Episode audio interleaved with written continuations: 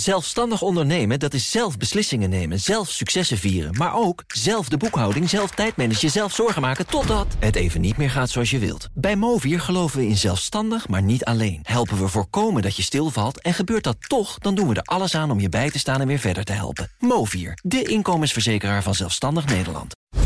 Cryptocast wordt mede mogelijk gemaakt door BitTonic. Al tien jaar lang de bitcoin-autoriteit van Nederland. BNR Nieuwsradio. Cryptocast. Herbert Blankenstein. Welkom in de Cryptocast met vandaag de omgevallen exchange FTX is zijn 50 meest vermogende klanten 3,1 miljard dollar schuldig. En ook over investeringsfonds Grayscale bestaan twijfels. En hoe verontrustend is dat dan weer? Dit is aflevering 247 van de Cryptocast. Met een half uur crypto nieuws op de radio nu. En daarna gaan we door als podcast waarin we praten over de Nederlandse Bank en het recent verschenen crypto-rapport daarvan. Met mijn gast Milan de Rede. Hartelijk welkom. Ja, dankjewel. Consultant en voormalig crypto-expert bij de Nederlandse Bank, bij DNB. En mijn co-host is Bert Slachter. Hallo. Hey. Analist bij de digitale nieuwsbrief Bitcoin Alpha. We geven geen beleggingsadvies, vorm je eigen mening, maak je eigen keuzes. Geef ons niet de schuld. Crypto kan lucratief zijn, maar is erg riskant. Oké, ehm, de cryptobeurs FTX is omgevallen. Zijn 50 meest vermogende klanten zijn nog 3,1 miljard dollar te goed. Ehm, dat blijkt uit nieuwe rechtbankdocumenten. Er zouden in totaal zo'n 1 miljoen schuldeisers zijn. Dat is een hoop, Bert. Zo. Uh, zijn die allemaal hun geld kwijt?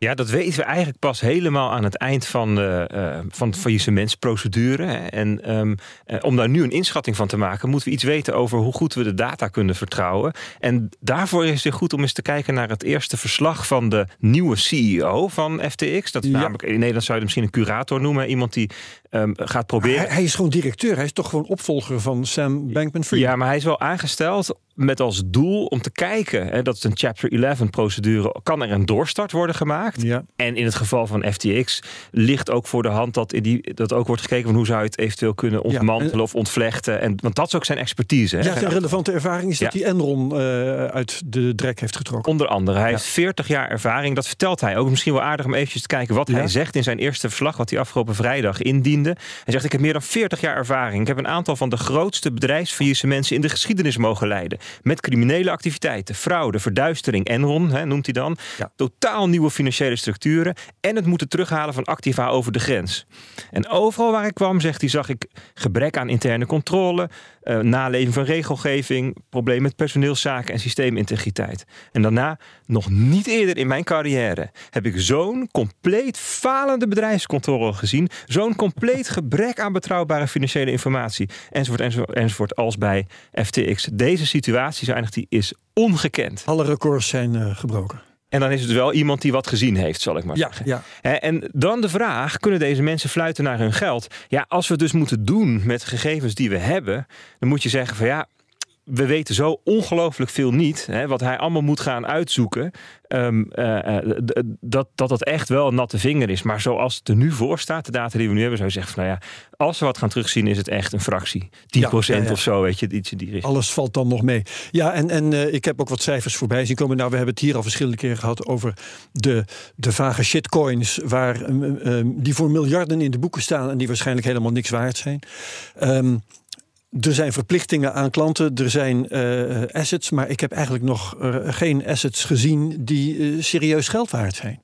Nou ja, wat we gezien hebben is een uh, een kladje, een, ja. kladje, een kladje Excel achterkant sheet, van een bierveeltje van, uh, van Ja, Sam, ja, hè, die dat heeft opgetekend om uh, nog op het laatste moment iets van investering of liquiditeit aan te trekken. Um, kijk, John Ray, hè, dat is die, die, die nieuwe CEO, die heeft een heel leger aan juristen en cybersecurity experts en forensisch onderzoekers meegenomen. Hij gaat alles uitpluizen: de fysieke bezittingen, terugvorderbare uitgaven, bankrekeningen, cryptoactiva, andere activa. Eh, um, um, het kwam vandaag in het nieuws dat uh, de, de ouders van Sam Bankman-Fried voor 100 zoveel miljoen dollar aan vastgoed hebben gekocht op de Bahama's. Misschien zijn dingen, dat soort ja, dingen wel terug te halen, hè? of, of, of gisteren aan. Wel, ja. Zou kunnen. Er zijn allemaal zaken waar misschien nog iets uit kan komen. Um, nou, het overzicht wat we net over hadden, daar stond al wel 800 miljoen aan assets die wel um, liquide zijn. Hè? De aandelen Robinhood, er stonden wat, wat dollars op, wat crypto-dollars. Nou ja, we gaan het zien hè, wat er allemaal uitkomt. Dat is dan de ene kant. Hè, dus wat je nog kunt, bij elkaar kunt uh, um, wegen aan bezittingen. En aan de andere kant heb je dan de uitgaven. Hè, of de, de, de, de schulden. En um, um, uh, daar zitten natuurlijk de, de, de klanten van FTX. Maar misschien ja. zijn er ook nog wel andere schuldeisers waarvan we dat niet weten. Die misschien nog wel hoger staan in de pikorde. In de pikorde. Ja, want dat is ook weer de vraag: wat is de pikorde? Dat is ook weer afhankelijk van het ja, recht in de Bahama's. Dus ja, dat, dat, dat is echt nog onbekend. En niet vergeten de, de gebruiksvoorwaarden van FTX, denk ik, uh, die alle gebruikers hebben getekend. Zou kunnen, ja. Waar soms dingen in staan als: uh, ja, ach, het kan misgaan. Klopt, ja, dat is gebeurd. Ja, Milan de Reden, um, jij zit hier als, als uh, crypto-expert en als uh, ex-medewerker van de Nederlandse Bank. Ik neem aan dat jij dit met grote belangstelling gevolgd hebt. Wat is jouw oordeel hierover? Ja, nee, met grote belangstelling en, en veel teleurstelling, denk ik vooral. Ik denk ja. dat uh, de meesten binnen crypto dat wel zo voelen. Um, ik denk buiten crypto zijn er heel veel mensen die crypto sowieso al vrij negatief zien. Dat er veel scams in de markt zijn en veel ja. onbetrouwbare partijen. En ja, dan is het heel jammer als dat eigenlijk wordt bevestigd door een partij als, als FTX of door uh, Sam Bankman-Fried. Um, dus ja, ik heb er eigenlijk naar gekeken als dat het, dat het weer een soort van setback is voor crypto. Die niet aan crypto zelf ligt zozeer. Want ik bedoel, het ligt niet aan de onderliggende protocols. Techniek, nee. Nee, nee het, is, het is gewoon weer een enkele partij die crypto ziet als een mooie manier om, om snel geld te verdienen. Um, en het is heel jammer dat dat, ja, dat dat weer is gebeurd eigenlijk. Ja, ja dat is duidelijk. Um, Bert, er, eh, als het gaat om schulden, hè, verplichtingen die FTX heeft. Er waren uh, voor 80.000 bitcoins uh, gekocht door gebruikers. Die, uh, die, die hebben dus bitcoin te goed van FTX. Maar die bitcoins waren er niet. Nee. Um, ja, ik, ik weet bijna niet wat ik daarover moet vragen. Wat, wat kan FTX bezield hebben om die bitcoins niet te kopen? Want je hebt dan een schuld in bitcoins aan je klanten. Um, als je vertrouwen hebt in crypto, dan uh, denk je toch denk, uh, dat op termijn die bitcoin wat meer waard, waard, gaat worden. Dan is het toch super stom om die bitcoin niet gewoon te kopen.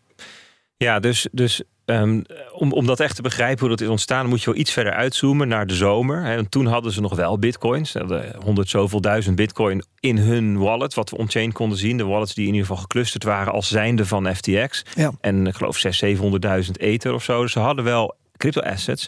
Alleen vermoedelijk toen al minder, of misschien in de loop van de zomer, hè, dus de, de, de, de Lunaterra um, ellende waar zij ook debakel, ja. bij betrokken waren, waar ze ook een actieve rol in hebben gespeeld. Nou, later Celsius, Voyager, waar zij ook op een of andere manier mee verbonden zijn, of zich, zich, zich aan hebben verbonden. Dat in die periode ze hebben besloten om klantactiva te verkopen. Of um, weg te, te, te, te, ruilen of wat, wat voor soort um, dingen daarmee te doen. Terwijl je, het is heel simpel, klantactiva moet je één op één aanhouden. He, dus, dus eigenlijk zodra je de grens overgaat van één op één aanhouden naar iets doen, ja, dan zit er dus ergens in de staart van je, van je bedrijfsvoering een probleem. Namelijk als de mensen hun geld gaan opnemen, dat gaat net zo lang goed totdat je op dat punt kom, komt dat, het, dat, he, dat, dat er nul bitcoins over zijn, maar nog ja. wel um, uh, uh, bitcoin schuldig zijn aan ja. klanten. En dat kan bij, bij, de, bij, bij de laatste bitcoin zijn, als je er maar eentje hebt, of bij 80.000 of bij 180. Ik bedoel, waar dat punt ligt, dat hangt er vanaf hoeveel.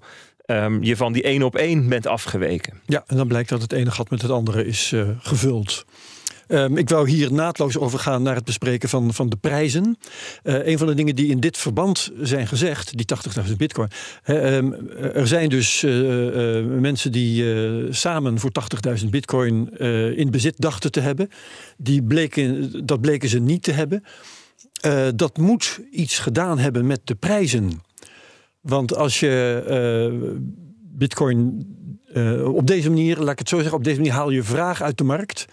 Terwijl die vraag geen effect heeft op de markt. Ja, papieren bitcoins. Ja.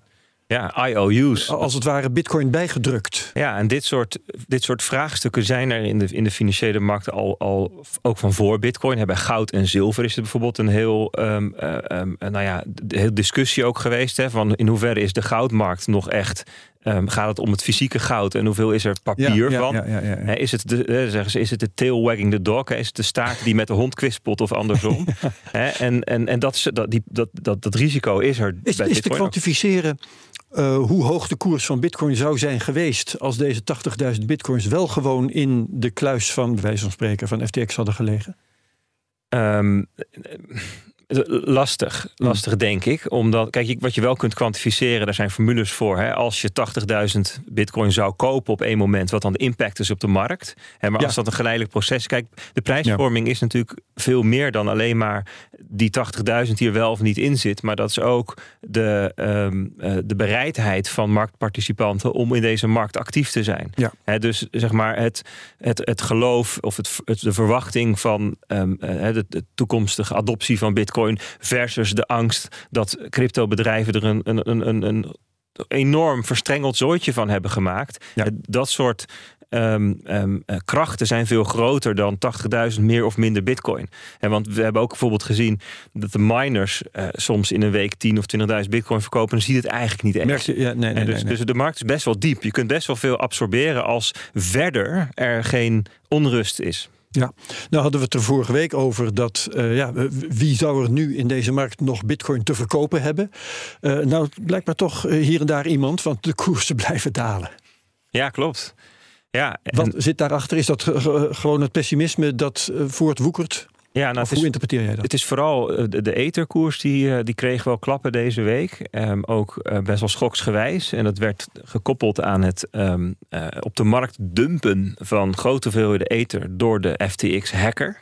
Ja. En daar hebben we het Er was een hek, vooral eten gestolen en iemand probeert die nu wet te wassen. Nou, er was geen eens ether gestolen, want de etherbalans was leeg, hadden we al gezien. Dus wat er gestolen was, dat was gewoon allerlei eh, random crypto-activa die daar nog te, gra het, het, het weg te, te grissen waren. En die zijn dan eerst omgezet, hoofdzakelijk naar ether. Dus alles naar ether toe. En die ether die eh, stond daar gewoon te staan. 200 zoveel duizend, 250.000 ether geloof ik.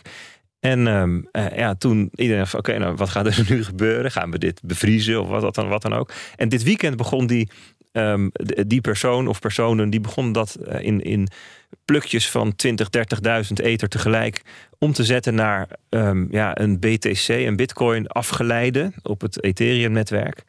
Ja, en dat, ja, dat is heel, een heel raar ehm, eh, Ja, maar die eters zijn dus eerst gekocht en daarna verkocht. Dan, dat kan toch moeilijk invloed dan hebben op de prijs? Ja, op een illiquide moment van de dag naar een ander illiquide asset toe, REN BTC. En waardoor daar heel veel gaat bewegen. Waardoor mensen denken, hé, hey, wat gebeurt daar? Allemaal algoritmen die staan op tilt. eh, eh, momentum traders die erin springen. Dus het wordt dan uitvergroot. Dus dat soort effecten op de zondag. Hè, dus het, het, het, het dunste moment van de week. Dus ja, hier zijn ook nog best wat vraagtekens over... van wat deze persoon bezielt. Ja, maar dat heeft eh, eh, de prijs van ether blijkbaar beïnvloed. En de bitcoin wordt dan meegesleept. Is dat het effect wat je bedoelt? Nou ja, kijk, Bitcoin op zichzelf heeft ehm, de afgelopen twaalf dagen in, in de bandbreedte van tussen de 15 en de eh 17.000 dollar zo'n beetje, of 18.000 Mhm. dollar getrade en zit dan Ja, nu oké, wat aan de onderkant. eh, niet significant. Nou ja, kijk, een volgende drop zou natuurlijk kunnen. Hè? Op het moment Ja. dat er weer nieuwe ehm, partijen eh, gedwongen moeten verkopen, of er een nieuwe vorm van paniek of onrust of verstrengeling zichtbaar wordt,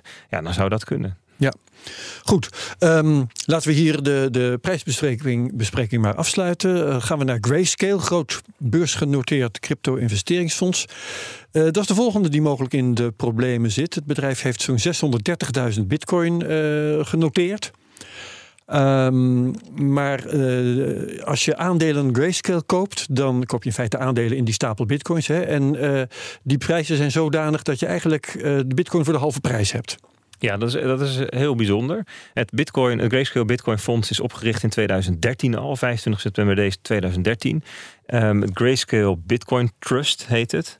Ehm, en het symbool is GBTC of GBTC.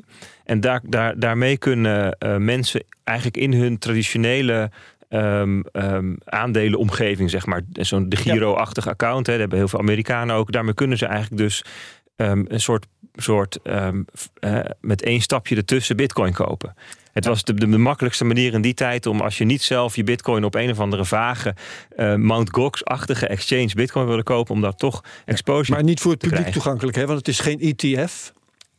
Ehm, je, wel voor het publiek toegankelijk, zeker. Alleen er zijn eigenlijk twee markten. Er is een primaire markt, dat kon alleen maar met hele grote bedragen rechtstreeks bij Grayscale. En daarna werd, kon je hem ook als, op de secundaire markt gewoon als consument kopen.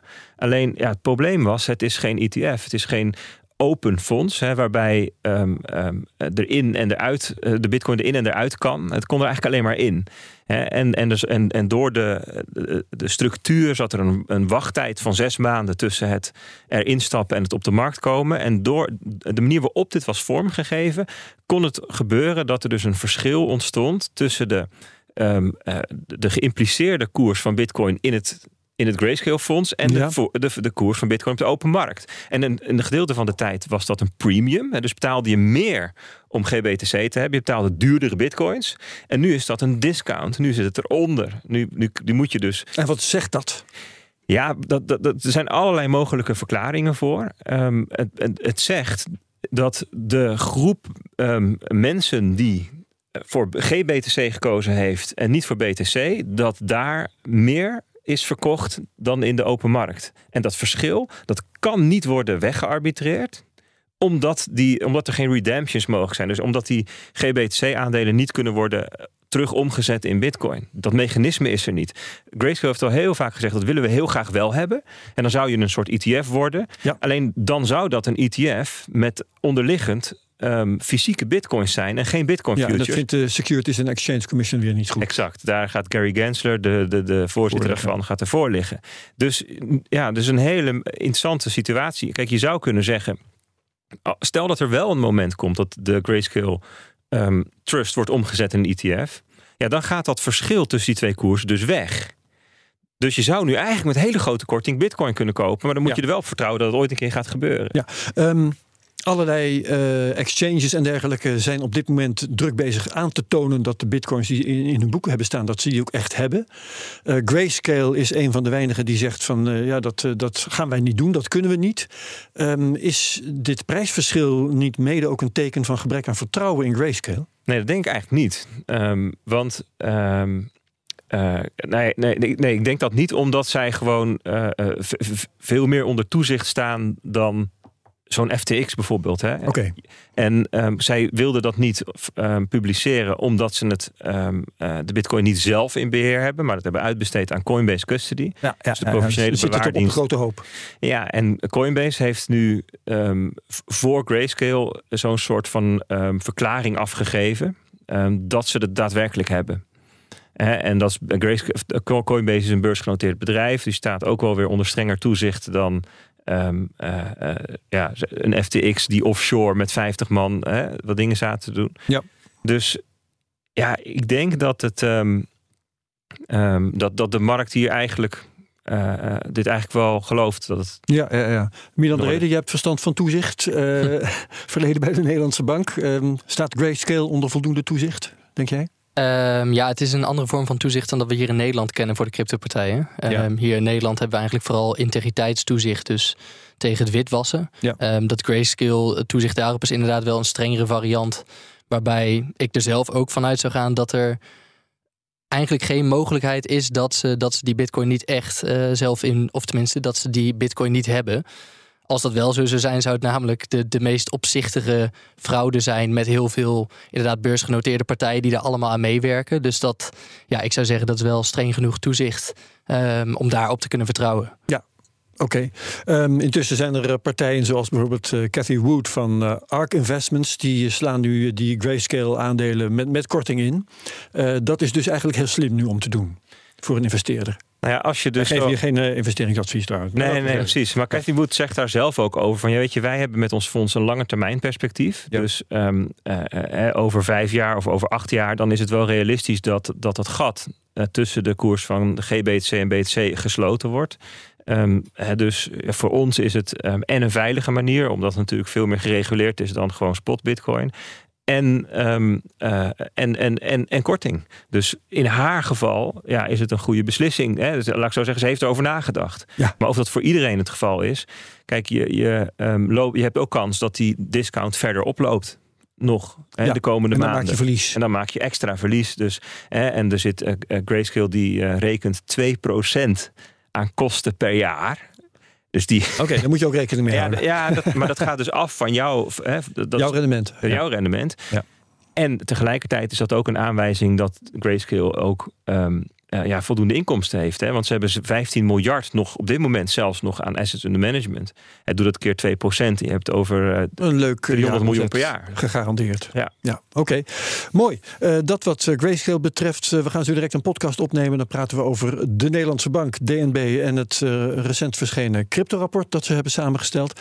Um, ja, Milan de Rede, jij gaat ons daarover bijpraten zo direct. Ik vond zelf toen ik het las dat het een positieve klank uh, had. Uh, er stonden dingen als crypto is relevant voor de samenleving en niet meer weg te denken en dat soort termen. Hoe heb jij dat rapport gelezen? Um, ja, nou, ik heb het um, eerst heel enthousiast gelezen, omdat ik er zelf natuurlijk destijds aan, aan heb meegeschreven. Dus dan is het leuk om te zien dat het, dat het echt uitkomt. mijn algemene afdronk was dat er een redelijk negatieve bias eigenlijk juist in stond. En dat het heel erg focust op de, de value transfer functie van crypto. En juist ontwijkt waar het denk ik echt om gaat bij crypto. Zeker voor een centrale bank. En dat is het geldscheppingsaspect. Mm ik denk dat het rapport daar een beetje omheen danst. Dus zo heb ik het eigenlijk uh, gelezen. Ja, dat is een interessant aspect om over te hebben straks. Um, wat voor boodschap had DNB met dit rapport te verspreiden volgens jou? Ik denk dat de, de grootste boodschap is vanuit DNB: dit is een extreem risicovolle beleggingsactiva. Dus het is geen vorm van geld, maar het is echt een belegging. En het is niet zozeer echt belegging als dat het speculeren is. Dus kijk heel erg uit met als je hier geld in stopt. Um, en verwacht niet dat dit op termijn ook echt als geld zou gaan dienen. Geld is gewoon de euro zoals we dat kennen. Ja. Um, ik denk dat, dat dat eigenlijk vooral is wat ze wilden zeggen. En uh, hebben ze daar gelijk in? Uh, ja, mijn inziens niet helemaal. Oké, okay, uh... dat mag je straks toelichten. Um, ja, de, daar gaan we het zo direct allemaal over hebben. Dat lijkt me leuk. Um, tot zover de CryptoCast op BNR, want onze tijd is op. We gaan het hierbij uh, laten. Dus Milan de Rede, uh, bedankt. En tot straks in de podcast. Ook uh, co-host Bert Slachter van Bitcoin Alpha. Hartelijk dank. Wie meegaat met ons naar de podcast tot straks, wie het hierbij laat, is ook goed. Bedankt. Graag tot volgende week bij de CryptoCast op BNR. CryptoCast wordt mede mogelijk gemaakt door BitTonic. Al tien jaar lang de Bitcoin-autoriteit van Nederland. Zelfstandig ondernemen, dat is zelf beslissingen nemen, zelf successen vieren... maar ook zelf de boekhouding, zelf tijdmanagen, zelf zorgen maken... totdat het even niet meer gaat zoals je wilt. Bij Movier geloven we in zelfstandig, maar niet alleen. Helpen we voorkomen dat je stilvalt en gebeurt dat toch... dan doen we er alles aan om je bij te staan en weer verder te helpen. Movier, de inkomensverzekeraar van Zelfstandig Nederland.